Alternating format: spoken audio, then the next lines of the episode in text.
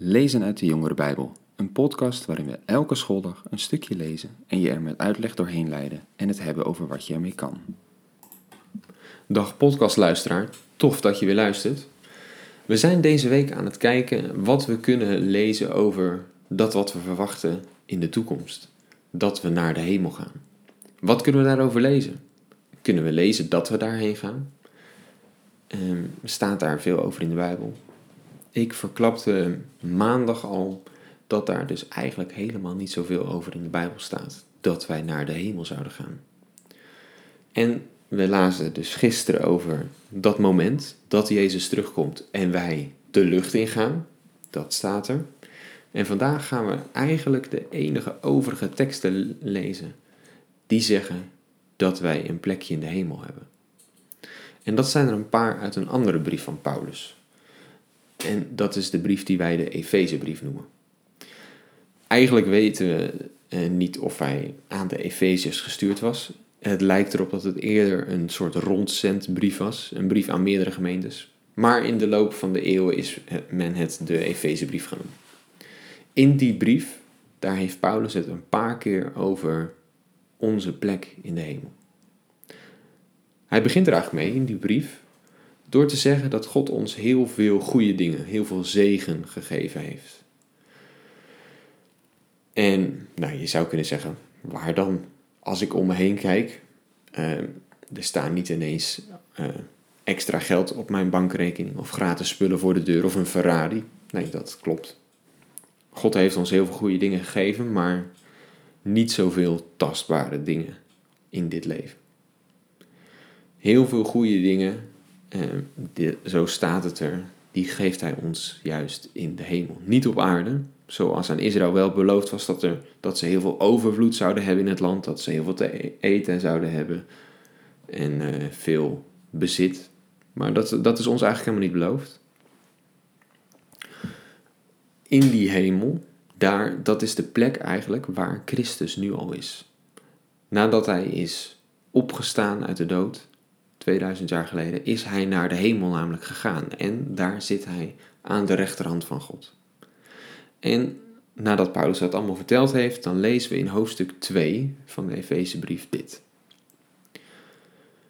U was dood door de misstappen en zonden waarmee u voorheen de weg ging van de God van deze wereld. De heerser over de machten in de lucht, de geest die nu werkzaam is in hen die God ongehoorzaam zijn. Eens leefden wij allen net als zij. Wij volgden onze wereldse begeerten en alle aardse verlangens die in ons opkwamen. En we stonden van nature bloot aan Gods toorn, net als ieder ander. Maar omdat God zo warmhartig is en de liefde die hij voor ons heeft opgevat zo groot, heeft hij ons, terwijl wij allen dood waren door de zonde, samen met Christus levend gemaakt. Door genade bent u gered. Hij heeft ons samen met Hem tot leven gewekt en ons een plaats gegeven in de hemelsfeer, in Christus Jezus. Zo zal Hij in de eeuwen die komen laten zien hoe overweldigend rijk Zijn genade is, hoe goed Hij voor ons is in Christus Jezus. Wat staat hier? God houdt zoveel van jou en van mij, zoveel houdt Hij van ons, dat Hij ons redt zonder dat we er maar iets voor hebben hoeven doen. Genade heet dat. Alleen geloven. En hij heeft ons een nieuw, een ander leven gegeven. Paulus heeft het hier heel erg over het oude leven, waarin we heel erg voor onszelf zouden hebben geleefd. En nu, nu we geloven, nu leven we anders. Nu leven we voor en met God.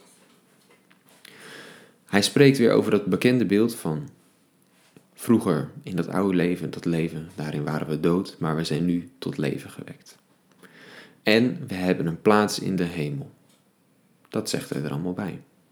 Maar als je erover na gaat denken, is het eigenlijk een beetje gek hoe Paulus dat zegt. Want dat is allemaal niet letterlijk waar. Het is niet zo dat voordat je tot geloof komt, je letterlijk dood bent, daarna letterlijk levend bent. En het is ook niet zo dat wij nu letterlijk een plekje in de hemel hebben. Het zijn allemaal beelden. Maar het zijn niet alleen beelden, we geloven eigenlijk ook dat dit in de toekomst letterlijk waar gaat worden. Er komt een moment dat jij en ik een keer doodgaan. En wij geloven dat dat niet het einde is, dat we weer levend zullen worden. En we geloven dus dat er een moment komt dat we naar boven gaan. Ja, maar staat dat ook in deze tekst zo dat wij letterlijk naar de hemel gaan? Er staat wel dat het niet alleen iets is voor nu. We hebben die plek boven, zodat Jezus in de komende eeuwen iets kan laten zien van hoe overweldigend rijk zijn genade is. Hoe goed God eigenlijk is. En daarom heeft Hij ons die plek gegeven. Dus ja, hier staat iets van dat onze plek boven is. Maar tegelijkertijd wordt het dus allereerst in een beeld gebruikt. Dat maakt het ietsje minder duidelijk dan we misschien zouden willen. Hè? We zouden gewoon het liefst een tekst willen hebben die zegt: We gaan naar de hemel en zo zit het. Maar hier lezen we dus: God gaat door ons heen iets van zichzelf laten zien. En dat is niet alleen straks zo, ook nu is dat al zo. In het volgende hoofdstuk zegt Paulus eigenlijk een soortgelijk iets. Laten we maar in hoofdstuk 3 lezen, vanaf vers 8. Daar zegt Paulus: Mij, de allergeringste van de heiligen, is de genade geschonken om de heidense volken de ondoorgrondelijke rijkdom van Christus te verkondigen. En voor allen in het licht te stellen hoe het geheim dat in alle eeuwen verborgen was in God, de schepper van alle dingen, verwezenlijkt wordt. Zo zal nu door de kerk de wijsheid van God in al haar schakeringen bekendgemaakt worden aan alle vorsten en heersers in de hemelsferen, naar het eeuwige voornemen dat Hij ten uitvoer heeft gebracht in Christus Jezus onze Heer. Ja, Paulus spreekt hier over een geheim. En dat geheim is dat door de boodschap van Paulus er een nieuwe groep is ontstaan. Kijk, tot nu toe, voordat Paulus op het toneel verscheen, ging het eigenlijk alleen maar over de Joden. Daar ging alle verhalen over, daar kwam Jezus voor. Dat was Gods volk. Maar Paulus zegt, er is een geheim. Dat is heel lang niet verteld, maar ik ga het jullie niet vertellen. Er is een nieuwe groep. Een groep die luistert naar de boodschap die ik mag verkondigen. De boodschap die Paulus mag verkondigen. En dat waren niet alleen Joden. Nee, het waren zelfs in eerste instantie niet-Joden. En een paar Joden die meeluisterden. En die nieuwe groep, ja, die heeft ook nieuwe beloftes gekregen. Tot dat moment was het eigenlijk zo dat als je een niet-Jood was, ja, weet je, eh, misschien kon je iets meepikken van al het goede wat aan de Joden beloofd was, maar heel veel meer beloftes hadden we nog niet. Een andere toekomst was ons nog niet verteld. Maar Paulus doet dat. Hier wel. Hij zegt er is een nieuwe groep en we hebben een nieuwe toekomst.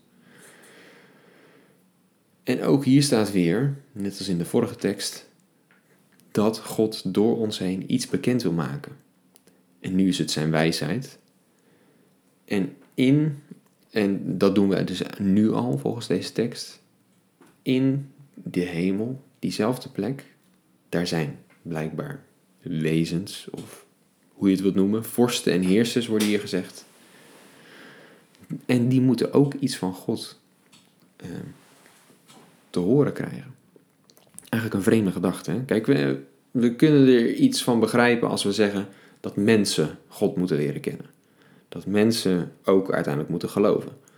Maar in deze teksten lijkt het een beetje alsof God zich niet alleen aan mensen bekend wil maken, maar ook aan hemelse bewoners. Dat het dus niet zo is dat die hemelse bewoners boven allemaal God helemaal kennen en hem vertrouwen en achter hem staan. Blijkbaar niet. En juist door ons heen wil God iets aan die hemelse bewoners laten zien. Ja, ik kan me daar niet zo heel veel bij voorstellen. Het, het lijkt me gek iets. Maar ja, blijkbaar is dat wel iets wat we straks mogen doen, of wat door ons heen gebeurt. Dit zijn dus een paar, paar teksten die aangeven dat onze plek daarboven is. En eigenlijk moeten we het daar een beetje mee doen. Heel veel meer staat er dus niet over. Er staat dus niet over wat er allemaal gebeurt in de hemel. Er staat niet wat we daar verder allemaal gaan doen. Alleen maar dit. Wij hebben daar een plek. En we, we, hebben, we zijn daar bij Jezus. En God zal door ons heen iets laten zien. Dat is alles. Daar moeten we het mee doen. Nou, morgen gaan we nog verder, want een vraag die nog niet beantwoord is, is nou hoe gaan we dat dan precies doen? Als ik nu omhoog zou gaan en richting de hemel zou gaan, dan zou ik binnen de kortste keren stikken, want mijn lichaam kan er niet tegen. Dus wat voor lichaam krijgen we dan? Daar staat ook een stukje van in de Bijbel en dat gaan we morgen dus lezen. Tot dan.